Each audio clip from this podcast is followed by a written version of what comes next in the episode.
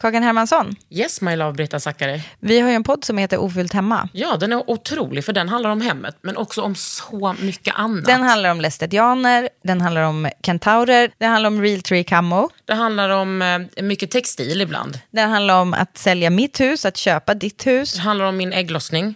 Alltid. Ja. Min också. Tack. Den heter Ofullt hemma och den finns där poddar finns. Hörs i podden, hej då! There's never been a faster or easier way to start your weight loss journey than with PlushCare. PlushCare accepts most insurance plans and gives you online access to board-certified physicians who can prescribe FDA-approved weight loss medications like Wigovi and Zepbound for those who qualify. Take charge of your health and speak with a board-certified physician about a weight loss plan that's right for you. Get started today at plushcare.com slash weight loss. That's plushcare.com slash weight loss. plushcare.com slash weight loss. Elaf Ali kommer till Under huden idag. Och hon växte upp i en hedersnorm. Det skrev hon en bok om. Och det blev liksom ett lyckligt slut. Det här blir en riktigt köttig timme i Underhuden som ni ska njuta av och utbilda er i. Välkomna hit. Underhuden. Med Kakan Hermansson. Din skånska har ändå förändrats. Sen, Ja, du flyttar hit. Alltså, du pratar ju ändå... alltså, jo, den har absolut förändrats.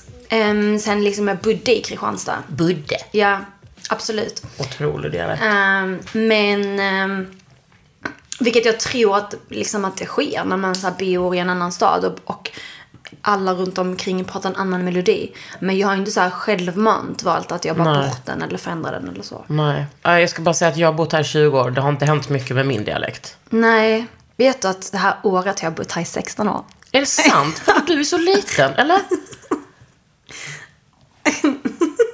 Vadå, hur ung? Du är, är ju ung. Nej. Hur gammal är du? Åh gud, jag är jättegammal. Men jag ser ung ut så tänker jag i alla fall. Vi kan, Ja. Jag kan lajva ung. Ja, hur gammal är du? 35. Ja, det är inte så ungt. I know. Är du stressad? Ehm, ja men, alltså ja och nej. För att så här, jag är liksom... ehm, jag är nöjd med mitt liv så. Men jag vill absolut ha barn. Och, eh, och jag har ingen partner. Så det är typ den delen som stressar mig. Skulle du vilja ha en partner? Um, jo, men jag vill um, gärna ha en kärnfamilj. Um, också för att jag har sett folk som ensamstående, hur svårt det är att ta hand om ett barn själv och Ja, gud, sådär. ja. Så um, om det går så gärna skaffa barn med en annan. Härligt. Ja, tyvärr är det ju bara typ tjejer och eh, bögar som lyssnar på den här podden. och så är det någon som sitter och bara, nej jag är faktiskt... Ja, ja, det finns några straighta killar också. Så hör av er. Men jag hade liksom, tror jag, alltså jag vet inte, men jag hade ju så här kunnat tänka mig att skaffa barn med en gaykille typ. Alltså så, som också vill ha barn och så kan man dela. Ja, då är det här en bra... Ja, så att jag är inte helt stängd inför den möjligheten. Men det kan inte så här, jag vill försöka lite till att försöka hitta en man jag Vadå, dejtar älskar. du? Nej, men Vänta, okej, så hur tror du att du ska hitta honom? jag vet inte. Jag vet inte. Nej. Ehm, jag vill också säga typ att idag var ju första gången jag gick hemifrån på tre dagar. Så eh, jag träffar ju folk lite sällan och så. Men på något sätt ska han väl dyka upp. Ja, han ska liksom bara knacka på. Okej, good tänker luck with det. that honey. Men vadå, du är inte på någon app eller något så? Nej, men jag kan inte träffa någon online. Alltså jag är för liksom motsatsen till naiv. Så det går inte. Aha, gud. Alltså jag har jobbat de där apparna. Tycker du om dem? Ja, det tycker jag. Ja, nej, men jag behöver träffa någon i verkligheten, höra hur den låter, hur den rör sig. Alltså du vet, Mm. jag måste vara attraherad innan jag börjar skriva med någon. Jag kan liksom inte öppna upp mig och skriva med en främling. Men du kan inte tänka dig att göra tvärtom och bara testa hur det blir? Nej. Alltså med den jag är tillsammans med, vi, eh, vi pratade liksom, jag var så himla sjuk så vi kunde aldrig träffas. Då vi pratade liksom varje dag en månad innan vi träffades. Så då kände typ vi varandra ganska bra. Innan vår första dejt. Det var så speciellt. Um, jo, men jag kan tänka mig att ha träffat någon en gång, bara veta så okej vi har en kemi och sen snacka jättelänge utan att ses. Men inte direkt i början typ. Jag vet vad, jag tror att du måste... Du måste ändra strategi. Du måste öppna upp dig. Allt är möjligt. Din livskärlek finns där ute liksom. Kanske, men jag tror också att han finns utanför Sverige ibland. För att när jag har rest så tycker jag att jag kan bli så här förälskad jättesnabbt och hitta så här en i varje land typ. Ehm, för att killarna är också annorlunda och de kommer fram till en, tar kontakt på ett sätt som svenska killar typ tyvärr aldrig gör. Ehm, jag, typ alla killar som jag har träffat så är det jag som tagit Ja. första steget och kontakten. Och jag har inget emot det och jag kan fortsätta göra det. Men det hade varit nice att någon gång så här, ehm, inte göra det. Att bli uppraggad. Exakt. Ja, jag förstår vad du menar. Men vad, gör du? Nej, Förutom men- att är hemma? Ja, förutom att sitta hemma. Nej, men jag är ju frilansare så att jag sitter mycket hemma och skriver. Ehm, det ska förhoppningsvis komma ut en andra bok ur mig. Åh, vad kul. Eh, så den har jag liksom, eller nu är jag väl så här researchfasen och läser mycket om ämnet sådär.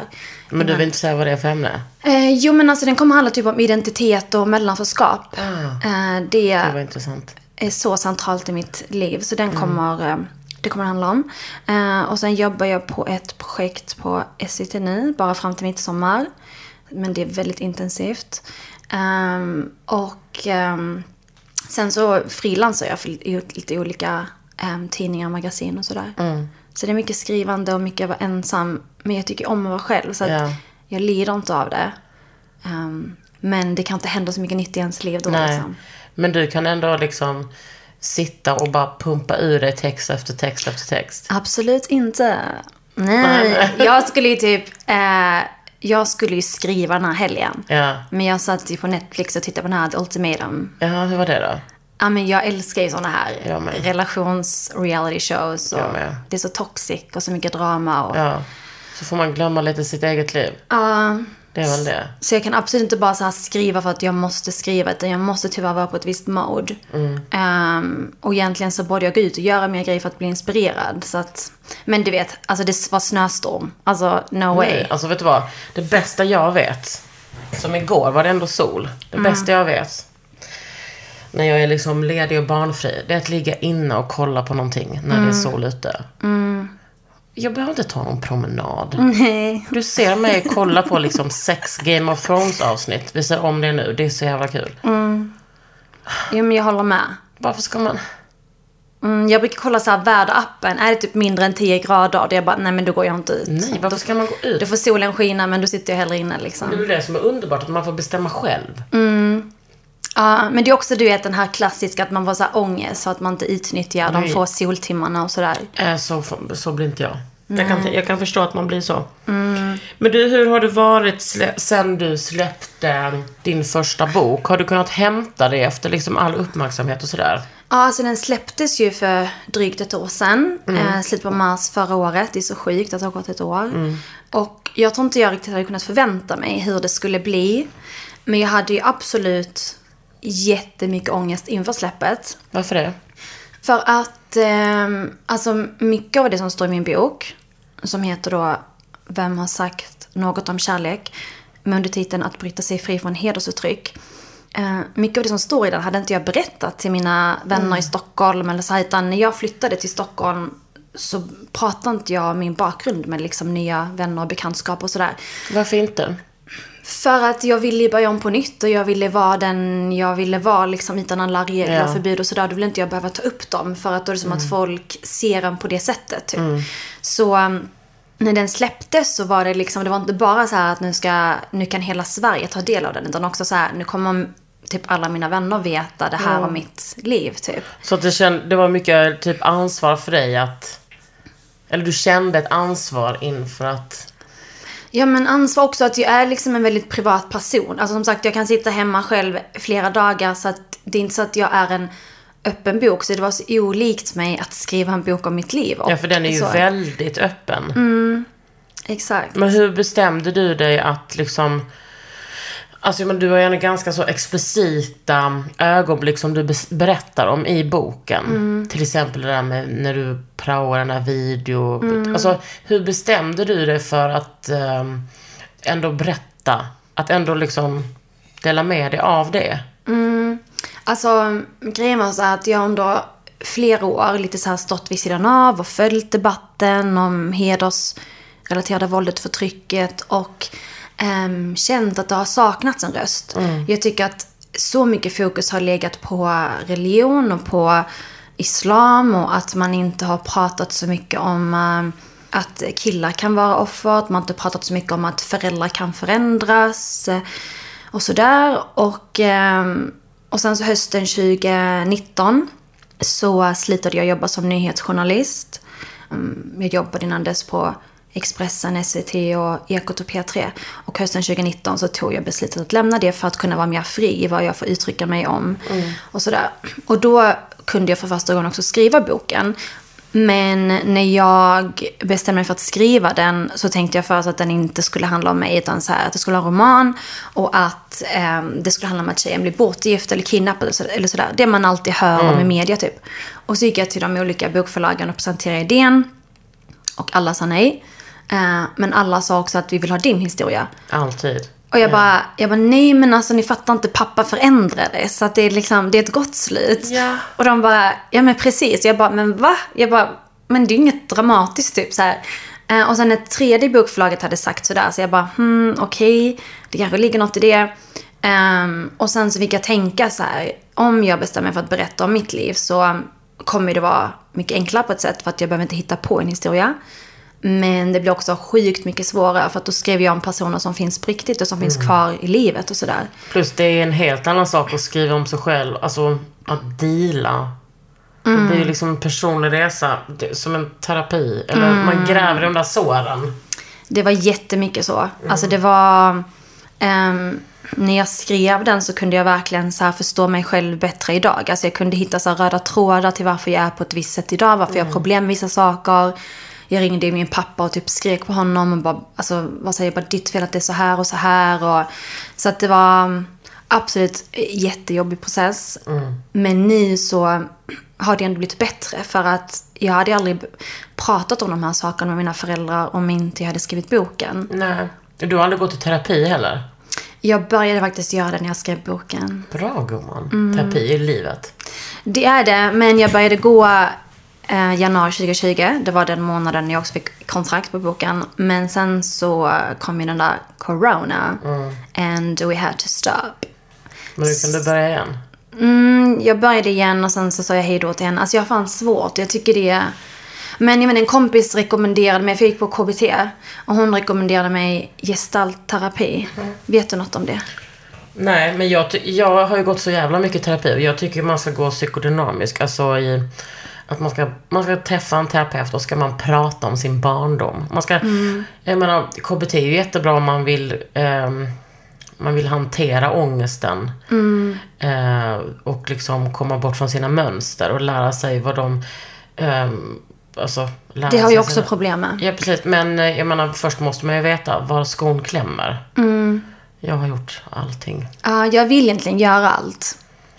Men, ja. Det är så läkande. Men absolut så håller jag med om att det är skitbra. För att jag vet att innan så brukade jag det ju hemskt. Men då såg jag ner på folk som gick på terapi. För jag tänkte att de är så svaga. Men sen när jag själv sökte mig dit.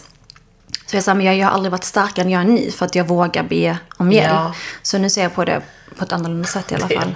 Just det, det kommer jag ihåg att folk tyckte att, man, att det var liksom svagt att gå i terapi. Mm. Det känns som att alla som tycker det själva behöver gå i Mm. terapi. Så var det ju för min del, Ja. absolut.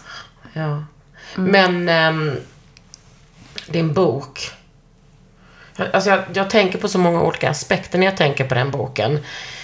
Ja, men dels att, som den pratar om att man, diskussionen i Sverige om hederskultur är så limiterad. Eh, Dels för att eh, jag tror så här, ge- gemene svenne är så rädd för att prata om det för att eh, men att man inte har någon direkt kontakt till det. Eller relation till det. Eller att man är så himla rädd för att eh, vara rasist. Eh, och eh, det är ju en, en good intention. Men eh, det kanske egentligen bara blir mer rasism. Jag vet inte. Det, är, det är klurigt. Ja men alltså exakt så. Och det- Och på frågan då varför jag skrev den här boken var ju för att den, det har aldrig skrivits en sån här bok innan i Sverige. Det finns ingen som liksom växt upp här och berättat så här öppet med namn och bild om sin uppväxt. Det är liksom första gången. Um, och jag hade verkligen behövt en sån här bok um, när jag växte upp och läsa om någon annan. Jag menar min första kontakt var ju så här när jag läste om Fadime. Och det var en tjej som blev Ja. mördad. Så att man vill ju gärna kunna ge barnen som växer upp idag någon mer hoppfull ehm, fall eller person att um, se upp till och inspireras av. Ehm, inte för att det var Fadimes fel, men alltså att man alltid bara visar den bilden Ja. av fenomenet. Ehm, men, ehm, och ja, alltså absolut. Det känns som att dels är det många som inte kan så mycket om det som jag upplever har uttalat sig. I, liksom för att de har velat skydda vissa grupper eller så. Men i slutändan så det enda som sker är ju att de här tjejerna som lider bara lider mer i det tysta. För att vi vill skydda förövarna. Som att de som är utsatta inte också har utländsk bakgrund. Alltså, ehm, så att det blir konstigt. ehm, så det är bättre om vi, vilket jag försöker göra i min bok, alltså förklara att heder fanns innan religion. Så det kommer inte från religion. Idag finns det både inom religion men utanför. Det finns inte bara en religion. Alltså om man vet allt det här, då blir du inte rasist. För att då vet du hur mer liksom utbrett det är. Men om du tror att det bara är muslimer och islam, ja men då förstår jag att du inte vill prata om det. Ja, men också tänker jag, alltså det finns ju hur många svennar i Sverige som helst som inte har en enda relation till en person som inte är vit. Alltså som inte känner en enda person som är, som är, har invandrat eller flytt. Eller som har föräldrar som har gjort det. Och som bara är så, alltså som bara ser på er som de andra. Alltså och då är det, alltså det blir ju bara, det blir väl bara som ett stort liksom, en stor massa med eh, liksom bara araber, muslimer, så är de. Ja, precis. Och eftersom de inte kan så mycket om dem och kan inte ha hängt så mycket och träffat så tror de också att alla då verkligen är araber och muslimer. Men en eh, grupp som är liksom utsatt mycket för hedersnormer i Sverige är ju syrianer. Och det är en kristen folkgrupp. Ehm, men i de som gärna bara vill klanka ner på islam, då är det så här alla är muslimer typ. Ja, jag menar, är man en person som vill klanka ner på islam, då är, är man kanske inte heller sugen. Det är inte som att man har en egen vilja att bara, jag ska sätta mig in i det här med hederskultur och, och löst, alltså. Nej, de vill det- inte hjälpa tjejerna av rätt anledning. Det handlar mer om vem som är förövare Ja. än att hjälpa tjejerna. Hur skulle du eh, förklara hederskultur? Um, ja, men jag skulle säga, jag personligen säger ju inte hederskultur. Eh, jag gjorde det innan, eh, men sen jag skrev min bok och... Hedersuttryck. Nej, jag säger hedersnormer. För det är liksom normer eh, som vissa väljer att efterleva och vissa inte. Ehm, innan så sa jag också hederskultur, men sen så när jag skrev min bok så, för de som inte har läst den så är den ju, det är dels min resa och sen är det intervjuer med mina föräldrar och sen är det faktaavsnitt. Och i de här faktaavsnitten så behövde jag göra research och en sak jag valde att kolla på var då relationen mellan heder och religion.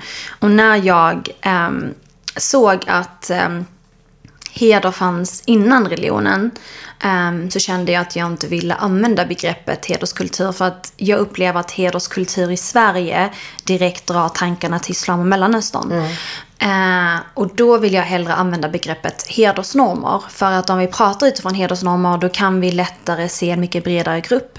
Och om jag tänker på min bok, en grupp som jag har blivit kontaktad av sedan den släpptes är faktiskt flera inom frikyrkan som har känt igen Ja, sig. ja, gud. Ehm, men de tänker man ju aldrig på när man säger hederskultur. Men säger du hedersnormer, då kan ju de också komma in i den Jag skulle gruppen. nog tänka hederskultur. Alltså i allra högsta grad. Ja, men det kanske är din bild. Jag upplever att Ja. många när man säger hederskultur har liksom verkligen så här Mellanöstern och islam. Och, och folk, när jag brukar prata om det så är folk så här... ehm, Ja, men ehm, hur många... För jag vet att när jag intervjuade sig i Nyhetsmorgon, um, 20, ja men förra året och i mars, och så sa Jenny Strömstedt det. Hon sa någonting om så här, ja, och hedersnormer och det finns i frikyrkan och någonting. Och då fick hon jättemycket så här skit på Twitter för det. Eh, och då var folk så här, hur många balkongflickor finns det inom frikyrkan? Eh, men då utgår man Också ju... bara balkongflickor, snälla. Det, man får, alltså, åh. Nej men då utgår man ju från att alla som lever under hedersförtryck ehm, är har blivit mördade eller riskerar att mördas så är det ju inte. Många lever ju under liksom precis det som, ehm, har du sett den här serien Gud som haver barnen kär på SVT? Ja. Ja, eh, många lever ju under det där liknande, att du har så vissa regler du måste förhålla dig till. Det är ju inte så, jag menar vi har ju hundratusentals utsatta i Sverige för hedersnormer. Det är ju inte så att vi hör om ett hedersmord ehm, varje dag eller så. Så att, ehm, att mäta om någon är utsatt för hederstryck genom antal mord eller balkongflickor, det är inte rätt. Alltså det är inte så man kan... Balkongflickor, vilket makabert uttryck. Mm. Det känns som att det är någon från Sverigedemokraterna som har kommit på det ordet. Eh, Jag vet inte hur det myntades. Det var ju efter liksom då flera tjejer, flickor kastades ner, mest troligt, från balkongen. Det var väl typ 15-20 år sedan kanske, något sånt. Ja. Ehm, och jag träffade en präst i Jönköping förra året, i höstas. Jättefin kvinna. ehm, som sa till mig att, ehm, eh, att vi kanske inte har så mycket hedersmord, men vi har absolut självmord inom Precis det jag skulle frikyrkan. säga.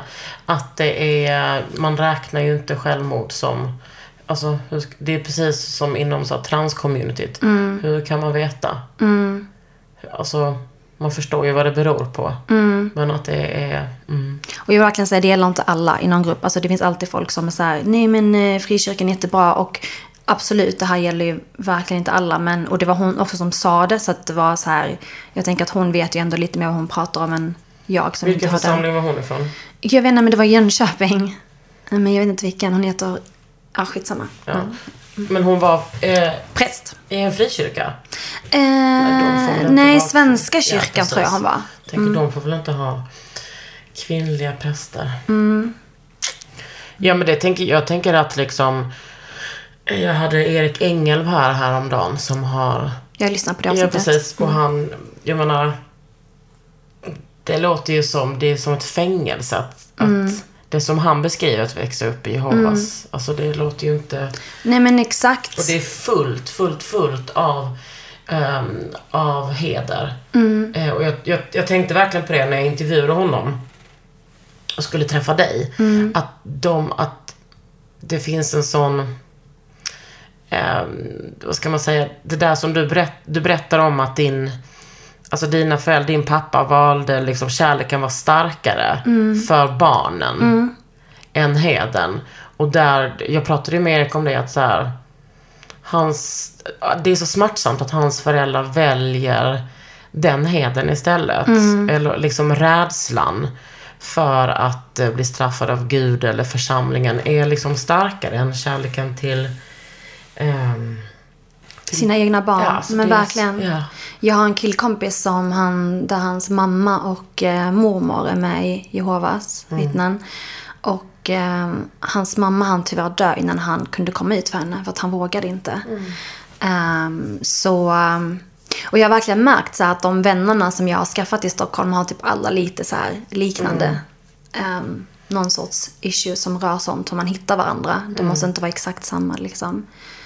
Ehm, men där märkte jag verkligen att i mitt fall förändrades ju pappa, men det är ju många som där deras föräldrar aldrig förändras. Under huden. Ready to pop the question? The jewelers at BlueNile.com have got sparkle down to a science with beautiful lab grown diamonds worthy of your most brilliant moments. Their lab grown diamonds are independently graded and guaranteed identical to natural diamonds, and they're ready to ship to your door. Go to BlueNile.com and use promo code LISTEN to get $50 off your purchase of $500 or more. That's code LISTEN at BlueNile.com for $50 off. BlueNile.com code LISTEN. A lot can happen in the next three years. Like a chatbot may be your new best friend. But what won't change? Needing health insurance. United Healthcare Tri Term Medical Plans are available for these changing times. Underwritten by Golden Rule Insurance Company, they offer budget friendly, flexible coverage for people who are in between jobs or missed open enrollment. The plans last nearly three years in some states, with access to a nationwide network of doctors and hospitals. So, for whatever tomorrow brings, United Healthcare Tri Term Medical Plans may be for you. Learn more at uh1.com. Vi pratade om hedersnormer. Men jag avbröt förmodligen dig så att du inte kunde få berätta vad det var. Nej, nej, men det var jag som körde en uppsats om varför jag inte säger hederskultur. Och det hatar inte jag dig, jag älskar det. Men ja, när vi etablerat varför jag då inte säger det, så vad hedersnormer är, det är eh, kan man säga en uppsättning oskrivna regler om hur man ska leva för att bli ansedd som en eh, anständig tjej. Och vad det handlar om är att hedern, familjens heder, sitter typ mellan benen på tjejen. Får döttrarna i familjen eh, dåligt rykte så får hela familjen och släkten kan också få dåligt rykte. Men, men det behöver ju inte handla om att hon har knullat med någon. Det kan väl bara vara att hon har tittat på någon. Eh, precis, det behöver inte gå så långt utan det kan verkligen bara vara att hon sågs på stan med en klasskompis med en kille. Eh, och ibland så behöver man inte ens ha gjort något utan bara att du får ett rykte kan räcka för att du fått liksom eh, så. Men folk är helt besatta. Ja, och det här händer liksom på riktigt och det finns... Eh, jag menar, jag som uppväxt i en mindre stad i Kristianstad i norra Skåne. Eh, där var det ju liksom så här att om jag gick på stan, för att min gymnasieskola låg liksom centralt, så när vi hade håltimmar så gick jag på stan, vilket jag inte fick för mina föräldrar egentligen. Och det hade, men det, det hade de sagt till dig ordagrant, eller fick du lista ut? Nej, jag fick. De sa det ordagrant att jag inte får liksom förröra mig i stan och sådär för att då kan folk se en och då skapas det ju rykten. För att mitt liv var ju så här skola, hem, hem, skola.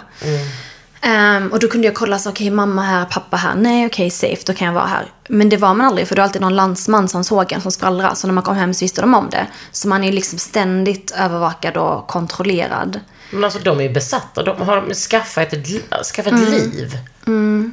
Det kan man tycka. Men alla har koll på varandra. Man vet exakt vems barn man är, vems föräldrar man har. Alltså, ehm, det, ehm, det var också därför jag ville flytta till Stockholm. Alltså, jag längtade så mycket efter att bli anonym. Och bara så här gå runt att ingen vet vem man är, vem ens familj är. Eh, jag vill egentligen till New York för jag vill ha en ännu större stad. Men Men jag tänker, vad hände då när du kom hem och hade gått på stan en håltimme?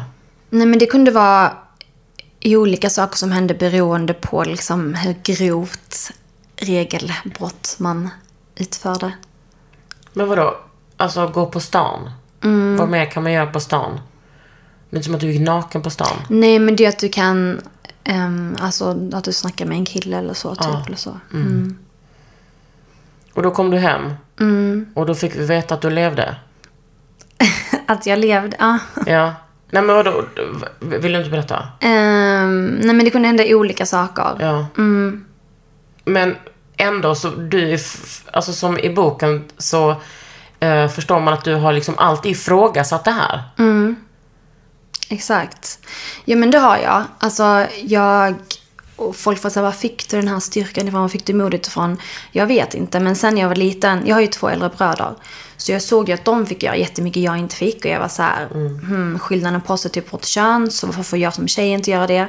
Och sen eh, har jag också växt upp i ett område där min familj var den enda familjen med utländsk bakgrund. Så jag kunde också jämföra med mina klasskamrater, ehm, där alla de fick göra typ massa saker som jag inte fick. Så att jag såg väldigt tidigt att mitt liv skilde sig åt. Och nu när jag har varit ute på olika skolor och träffat massa människor så jag har verkligen märkt att eh, när man växt upp i ett område där många fler har det som en så har förtrycket blivit normaliserat. Så att man Ja. märker inte att man är förtryckt.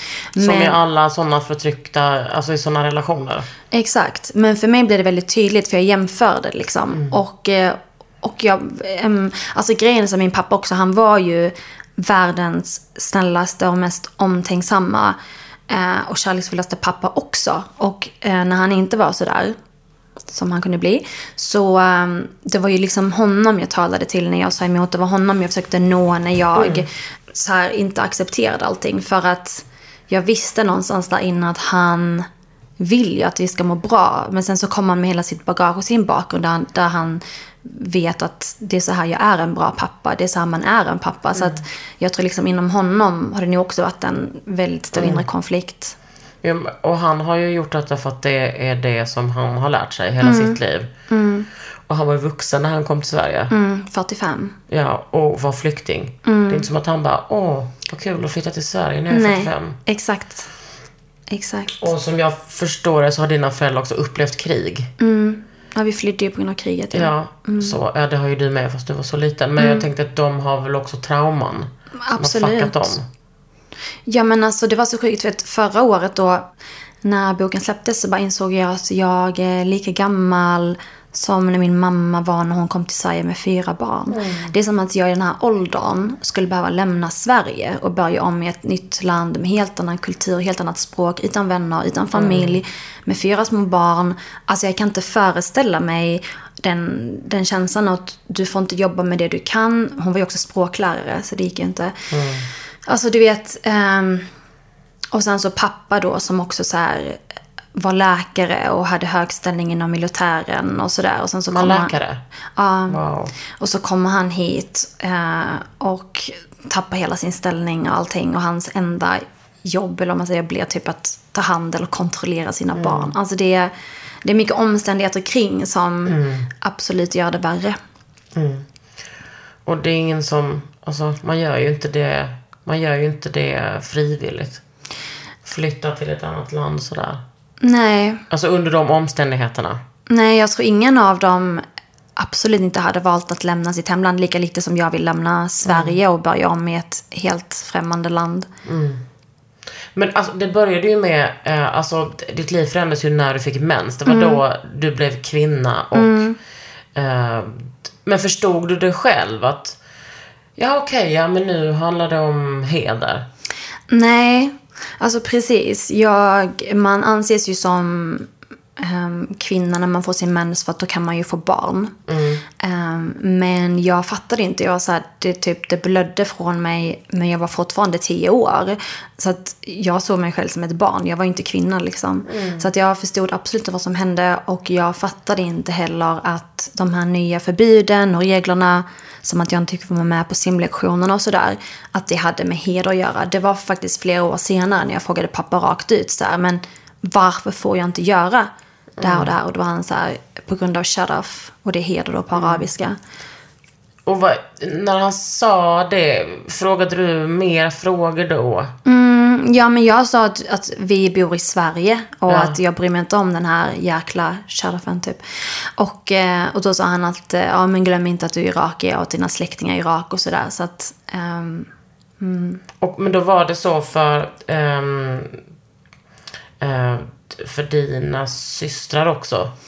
nej, inte riktigt. Nej. För att jag är ju äldsta dottern. Du har plöjt vägen för dem? Yes, jag är ju tre år äldre än den ena och nio år äldre än den andra. Ehm, så hon som är nio år yngre än mig, hon har ett helt annat liv. Alltså hon läste min bok och bara, vem är den här pappan? Ja, alltså, hon kände fan ju inte gött. igen någonting. Ja. Ja. Och även min andra som är tre år yngre har ju fått det mycket lättare. Alltså jag fick ju kämpa liksom hela mitt liv för att få flytta till Stockholm året efter studenten. Hon var... Hon gick med... Vi har båda gått eh, så här med de som är äldre än oss i skolan. Så hon var 17 när hon tog studenten. Eh, men då fick hon flytta direkt till Skottland. Och man bara, excuse me? Alltså så att det har verkligen så här... till Skottland? För att hon pluggade på St. Andrews. Där Prince William och Kate ja, träffades. normalt. Yes. Ni är så här högpresterande jävlar, eller hur? Kanske. Ja, kanske. Eh, men så att det har verkligen så här, allt jag har kämpat för, jag fick inte eh, alltid så här igenom, väldigt sällan igenom, men de har fått liksom. Men, eh, kom, alltså, eller var det som att du så här, dina släktingar i Sverige och Irak, det var exakt likadant för dem? Um, alltså, bra fråga. För grejen är så här att när det är norm, så de, jag tror inte de tänker på att de är förtryckta. Nej, för att de, för alla, eller majoriteten har det väl så. Mm. Ehm, så att, ehm, Men, men med dina ögon kunde du säga att ah, det här pågår där också? jag besökte Irak första gången för två år sedan.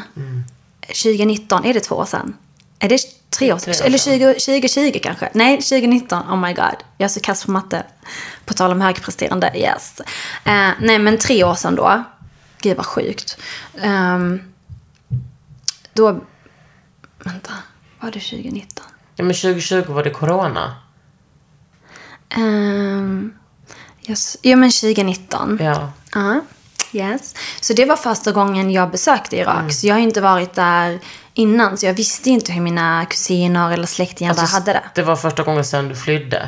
Ja, Ja. exakt. Jag var ju fyra när vi kom till Sverige. Så att jag minns ju ingenting av tiden i Irak. Ehm, men, ehm, ehm, men jag brukade tänka jättemycket på så här, hur hade mitt liv varit om jag hade bott kvar. Och det var också en stor anledning till varför jag ville besöka. För att jag ville se så här, okej om kriget aldrig hade hänt, vem hade liksom 32-åriga Elaf varit i Irak? Mm. Vem hade det varit då? Nej men då hade jag ju ehm, säkert varit gift. Kanske med en kusin. Ehm, och haft några ungar. Du hade inte varit läkare. Um, alltså kanske, för där kanske det är mycket så här, för pappa försökte ju verkligen få en av oss ungar att bli läkare. Alltså he really tried, men det blev inte så. Ehm, så. Men där kanske man mer gör som ens föräldrar säger, för kollektivet är ändå mycket starkare där.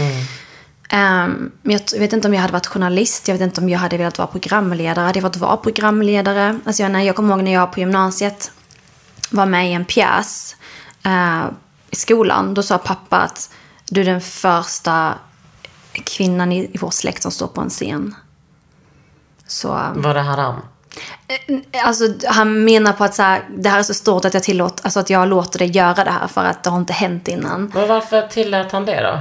Eh, Men, men han ändrades ju lite hela tiden. Alltså det, jag brukar ofta så fråga han så här, vad förändrade din pappa? Och det var ingenting så över en natt, det var inte en sak. Utan han verkligen blev så här mjukare och mjukare. Lite hela, hela tiden. Var det för att du tjatade? Ja, nej men för att jag aldrig gav upp. För att jag, ehm, för jag insåg ju så här, efter den gången när han sa till mig att det handlar om Sharaf. Då var jag så här, okej. Då började jag förstå honom mer. Jag tog reda på vad det var, vad det innebär. Och då kunde jag börja möta honom där han var. Så att då kunde jag så här börja liksom prata om hans fördomar. Förklara att i Sverige så um, Eh, kan tjejer gå runt med korta kjolar eller shorts eller linnen. Det är ingen som tittar snett på dig för att det, alla klär sig så på sommaren. Det är inte som om man hade klätt sig så i Irak. Alltså förklara för honom att allt det som du kommer ifrån, det funkar inte så här så du behöver inte vara orolig. För jag tror mycket var så här rädsla. Han fick ju tyvärr inte jobb, han skaffade inga svenska kompisar så att det var bara massa fördomar. Så då fick jag liksom vara hans ögon ut i svenska samhället. Men det måste ju vara... Alltså, kunde han formulera den yttersta rädslan för vad som skulle hända om du eh, gav skam till familjen?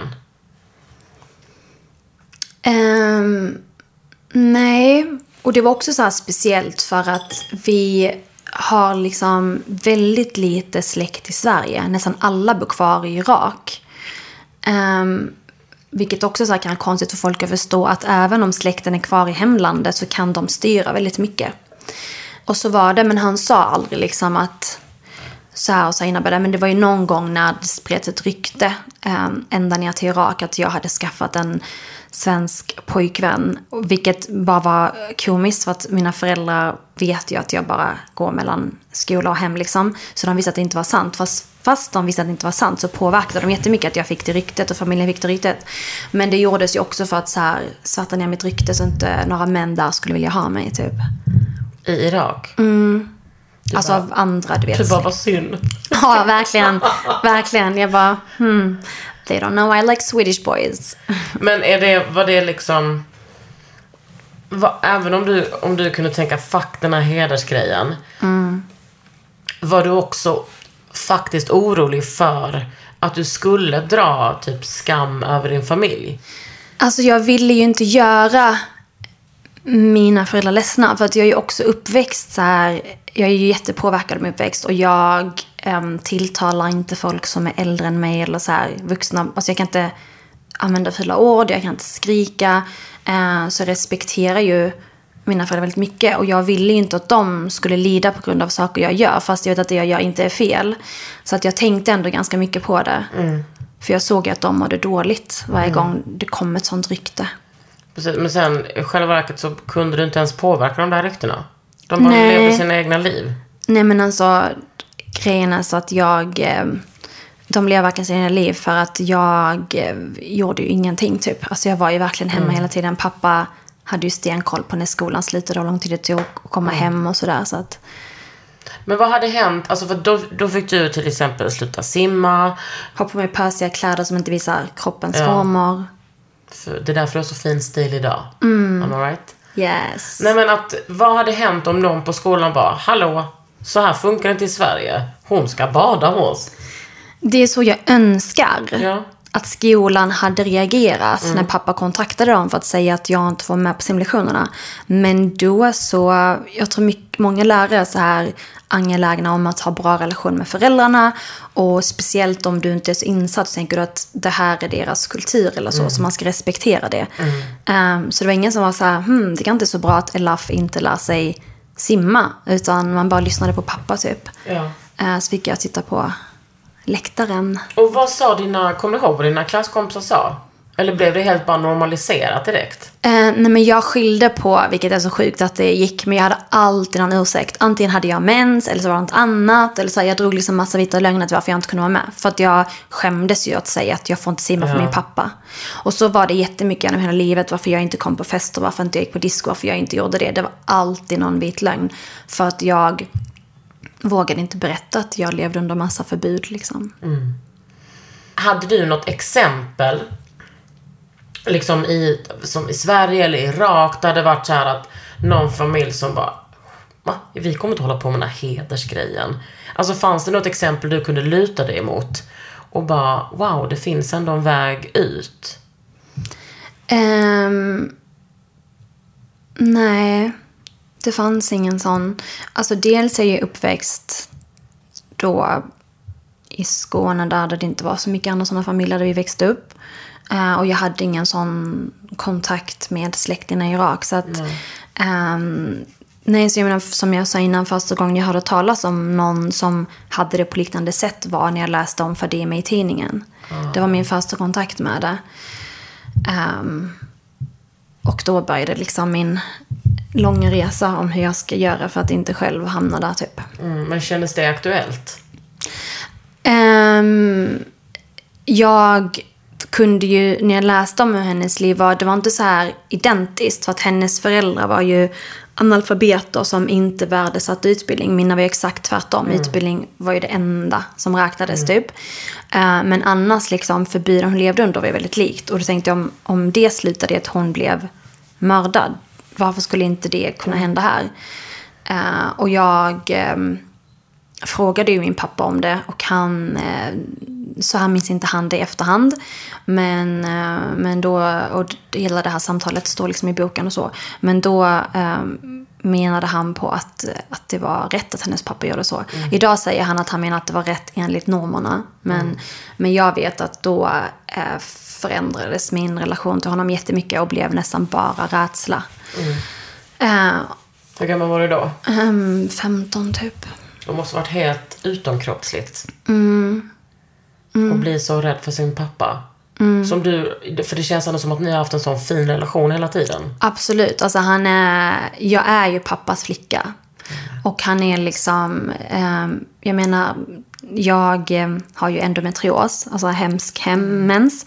Och han var ju den som tog hand om mig. Alltså han var ju den som satte med alla sådana här varma kuddar och eh, så. Så att han har ju verkligen, så han är jätteomhändertagande och fin. Så att det blev jättekonstigt när den personen man älskar också kan vara sådär. Alltså det är så, det är så, alltså det är inte konstigt att man har problem med relationer idag, du vet. Alltså det är så, man är ju så messed up typ. Ja. Jag, jag fattar det. Men det var ändå successivt, successivt så förändrades din pappa. Det är helt fantastiskt. Ja, det är sjukt. Alltså träffar man honom idag så eh, det går inte att förstå att det är samma människa, samma man. Han har gjort en otrolig resa. Ehm, och jag är bara så himla tacksam att han verkligen valde oss barn framför att följa de hedersnormerna. Är han lyckligare nu? Ja, gud ja. Absolut. Alltså att han lever ju för hans barn och, och barnbarn. Um, och um, alltså han vill ju bara att vi ska vara lyckliga. Och, um, och han har jätteånger över det som varit. Han tycker det är jättejobbigt att liksom veta att vi var rädda för honom um, under stor del av vår uppväxt för han kan ju inte göra något åt det nu och sådär. Vilket jag tänker på jättemycket att jag vill ju så gärna att min bok ska bli översatt till bland annat arabiska och sådär. Så att den får nå andra föräldrar. För att um, det är inte värt att leva med den ångern. Alltså om man kan förhindra det Nej. när man väl är i det liksom. Men hur har han blivit liksom eh, mottagen från, i sitt community när han har liksom vänt? Um, ja, alltså det har varit lite så här blandat. Det är vissa som um, har stått kvar och andra som har vänt ryggen. Um, Tycker de att han är svag eller? Vad är det? Nej men han, alltså min pappa han har varit väldigt öppen. Alltså han lägger ju alltid upp så här sina barn och, och deras respektive. Och flera av mina syskon är ju gifta med svenskar. Och ehm, som då inte är muslimer och sådär. Och ehm, det har ju inte tagits emot väl av alla. Men han är så här, han, kör, han, han döljer inte det. Han liksom kallar inte det något eh, vad det inte är. Utan han är verkligen så bara straightforward. Eh, Men det är också flera som har vänt och kommit tillbaka. För de har märkt att, aha, okej, de blev inte galna barnen för att de fick barn med svenskar typ. Eller Vad, är- sådär. vad, är det, vad är det man tror ska hända med barnen eh, om man liksom inte följer de här normerna? Eh, Ja, men de, exakt. De verkar väl tro att om inte man följer de här normerna så eh, blir man typ... Alltså jag vet vad är värsta tänkbara? Typ att du blir prostituerad eller att du börjar göra porr. Alltså det känns som att de finns, det finns inget mellanting. Nej. Det är bara antingen... Ja, lössläppt eller typ... Eller så ska du leva under strikta regler. Det är som att de inte tänker att man själv kan så här... Men jag vet inte. Eh, Men absolut, de... Det, ja. Spökar fortfarande de där normerna hos dig någonstans? Eh, ja, det skulle jag ändå säga. Alltså jag tänker ju liksom ibland vad jag kan lägga ut på Instagram och sådär. Det är inte tits out direkt. Nej, det Det gör ju... inte jag heller och det är inte för att jag, mina föräldrar är katoliker. Nej, Ibland har det nog varit tits out i och för sig men... alltså jag... Men precis, jag är också så här väldigt... Um, säger man pryd? Ehm, så jag vill ju inte så visa min rumpa och bröst på Instagram. Alltså det är inte jag som person. Eh, och jag tycker inte det passar mitt yrkesval och sådär. Men jag är absolut påverkad ändå. Alltså det vet jag. Det finns, jag, jag tänker på det men ibland kan jag göra saker jag vet är fel. Bara för att utmana mig själv. Så, här. Ehm, så ehm, men jag tror det är svårt, du vet, om du levt hela, ditt, liksom hela din uppväxt med de här eh, normerna och även efter jag flyttade hemifrån fast det är kvar i mig. Det var inte så att det försvann. Alltså om du är hjärntvättad med någonting så försvinner inte det bara sådär. Ehm, Men alltså snälla. Så här har, alltså många tjejer som jag växte upp med som är värsta svennarna har ju haft exakt likadant. De, alltså, alltså inte exakt, exakt, men det är så här, du ska inte vara med någon kille och du ska inte, mm, eh, alltså typ så alltid blivit kommenterad vad man har på sig. Och även om de, det finns ingen religion eller liksom spe- specifik kultur, vadå en skånsk hedersnorm. Alltså det är inte... nej, Man alltså, glömmer det. Man, det känns som att man måste prata om det hela tiden. Sen är det ju annorlunda därifrån, eh, liksom i det som du kommer ifrån. Mm. Absolut. Ja, precis. Det finns väl liksom... Bara för att man inte växt upp med kanske hedersuttryck så betyder det inte att du fått göra allting och att du inte haft konsekvenser. Men skillnaden är väl liksom att det är en hel släkt som håller koll och vad, det, vad mer det innebär om du skulle bryta mot det här, hur det drabbar hela familjen. Alltså det är liksom... ehm, så det är ändå lite... Eller det är annorlunda, men självklart så betyder det inte att folk växer upp utan Nej. strikta föräldrar bara för att det inte finns hedersnormer i familjen. Ehm, Det handlar ju också så jävla mycket om, when it all comes down to it, om kvinnohat. ja, men, Eller att liksom krympa utrymmet för hur kvinnor kan leva och uttrycka sig och utvecklas. ja, men det är också en väldigt förlegad tanke om att så här familjens heder sitter så här kvinnans sexualitet. Eller så här, det är jätte, Och också, jättekonstigt. men det handlar inte ens om hennes sexualitet. Om hon inte ens får gå på stan. Det är inte som att hon ska gå på stan för att liksom suga kuk. Nej, fast man, man, man hindrar ju henne liksom från att gå på stan för att hon inte ska träffa en kille. Alltså allt de här Ja. förbuden är för att hindra att hon träffar en kille. Det är därför de folk är helt finns. besatta av hennes liksom, sexualitet. Exakt. Och, och någonting som jag också tycker är viktigt att prata om då. Vad händer med kvinnors sexualitet i de här eh, liksom normerna? Det är ett annat avsnitt och eh, en annan tjej som pratar om det här för att jag tycker ju det är jobbigt att prata om sånt. Vilket är en del av Nej, min jag menar uppväxt. Liksom. att du ska prata om det. Jag menar bara att det är en... Det är en Jätteintressant fråga. Ja. Eh, och när jag har så här frågestunder på Instagram, så jag hade typ det häromdagen och då fick jag exakt sån fråga där det var så här, privat fråga men är jättenyfiken på hur du har eh, påverkats när det gäller relationer och sex med din uppväxt. Och det är en jätterelevant fråga. Jag kommer inte besvara den för att eh, jätteprivat, men man borde prata mycket mer om det. För Mm. Att men det du kan inte heller bli poster girl för allting. Nej, exakt. Det är också så här jobbigt för grejen är så här, heder är min uppväxt. Men, men jag har också så här många lager i mig och många andra intressen. Och jag känner så här, min bok var liksom ett bidrag till det här. Den kommer alltid finnas. Den har redan hjälpt många barn och unga och jag är skitstolt och glad över det. Men jag behöver också gå vidare. Ja. Eh, och jag behöver bara vara elaff och jobba med saker jag tycker är kul. Ja. Eh, för att det kan inte vara min framtid också. Nej, det kan inte hela tiden vara ditt eh, ansvar. Nej. Du har redan tagit så mycket ansvar.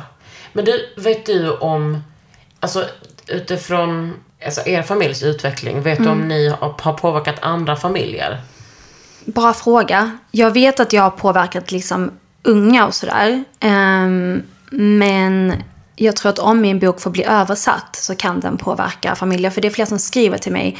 Vill gärna att min pappa ska läsa din bok. Finns den på arabiska? Men det är liksom inget förlag som um, verkar um, vilja översätta Finns det den. inget svensk-arabiskt förlag i Sverige som kan göra det? Det finns, men jag har eh, mejlat och kontaktat och försökt. ehm, men eh, har inte fått napp tyvärr. Så det är jätte... Jag har till och med skrivit till eh, Ulf Kristersson för att jag träffade honom förra året i somras. Och då sa han, behöver du någonting från mig, hör av dig. Och så gjorde jag Menar det. du Moderaternas? Ah, Moderaternas partiledare. Ehm, och då så skrev jag det och han rekommenderade mm, de här Region Östergötland som är någon nationellt centrum för hedersrelaterat våld. Men inte ens de kunde hjälpa till med sån kontakt. Så att, Alltså generellt, Ulf känns ju inte som att han går i bräschen för eh, mångfald. ja, Ulf var väldigt trevlig. Det spelar ingen roll. Eh, och, men, jag, men vet du vad jag tyckte var fint? var att han, Jag skickade min bok till typ alla partiledare. Um, jag fick svar från Annie Lööf. Hon läste den och la upp den och sådär. Jag fick svar från Märta Stenevi. Uh, hon tyckte också om den och la upp den. Och Ulf var den enda som bad om ett möte. Så att det tycker ändå jag var fint och bra. Uh, sen... uh, så sa jag också till honom att jag tror inte bara på hårdare straff utan jag tror jättemycket på att vi måste nå familjerna från alltså väldigt tidigt så att det inte hinner gå till nivåerna där vi pratar hårdare straff. Liksom. Ehm, Ulf vill ju inte ens ta emot invandrare och flyktingar. jag Så- pratar inte politik. Nej, jag vet. Men jag gör det i min podd och det är fantastiskt. Mm. men gud vad roligt att du ska liksom skriva en ny bok. Ja, skitkul. Alltså verkligen, få så här fokusera på lite annat. Ja. Även om det också är väldigt centralt för det hela identiteten. Eh, vad gör det med en när man växer upp i ett land där du inte tillhör majoritetssamhället, när dina föräldrar har en annan kultur än kulturen i landet och allt det där. Så att jag ska försöka dyka i det lite. Och Alltså jag tänker att mellanförskapet Mm. är så centralt i så många människors liv. Alltså Mm. det är ju liksom typ, inte halva Sverige, men det är ju så... Absolut, det finns många olika sorts mellanförskap. Ja. Ehm, verkligen. Eh, och jag har frågat lite folk om det och fått olika svar. Men fokus kommer ändå vara på lite mer etnicitet och det där det, liksom, som jag har erfarenhet av. Ja, men jag, det är så många som... Jag tror att det kommer vara så aktuellt för, för många, men också för oss som är kompisar med er som lever i det. Exakt. Exakt. Jag hoppas verkligen att boken ska vara så här. Man kan känna igen sig och sen ge någonting för de som inte själva levt i det. Men för att förstå de här Ja. som lever i det. Ehm, så ja, den kommer jag sitta och skriva mycket under sommaren, tänker jag. Lycka till. Tack. Alltså tack för att du kom hit. Ja, Men tack själv. Men det blev ett bra samtal. Vi, jag har ändå intervjuat dig en timme innan under järnveckan. know. Men jag tyckte att det, att det var många nya aspekter. Ja, absolut. Det kändes så skit för att grejen är så här. Då satt vi i en soffa, det var kameror och allting. Mm. Eh, man berättar ju mer i poddformat. För man känner så här, det är bara vi. Men det är ju inte bara vi. Men det är några, tusen jävlar som ska lyssna på här också. Ja, Ja. men, eh, ja, nej, men det var jättenice och jag är så glad att jag fick se ditt fina hem. Jag bara, kolla inte till vänster där på min eh, skräphög. Tack för att du ville komma hit. Tack så jag heter Kakan. Hermansson. Och jag heter Elaf Ali. Precis. Och du har lyssnat på Under huden.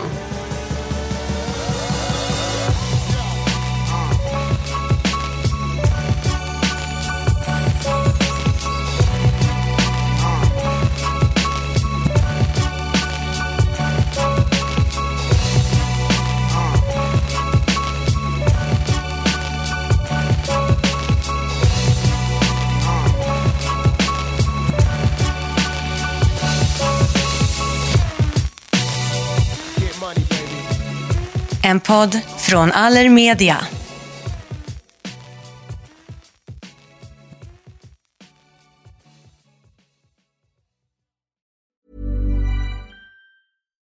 Deserves the best, and there's no better place to shop for Mother's Day than Whole Foods Market. They're your destination for unbeatable savings, from premium gifts to show-stopping flowers and irresistible desserts. Start by saving 33% with Prime on all body care and candles. Then get a 15-stem bunch of tulips for just $9.99 each with Prime. Round out Mom's menu with festive rosé, irresistible berry chantilly cake, and more special treats. Come celebrate Mother's Day at Whole Foods Market.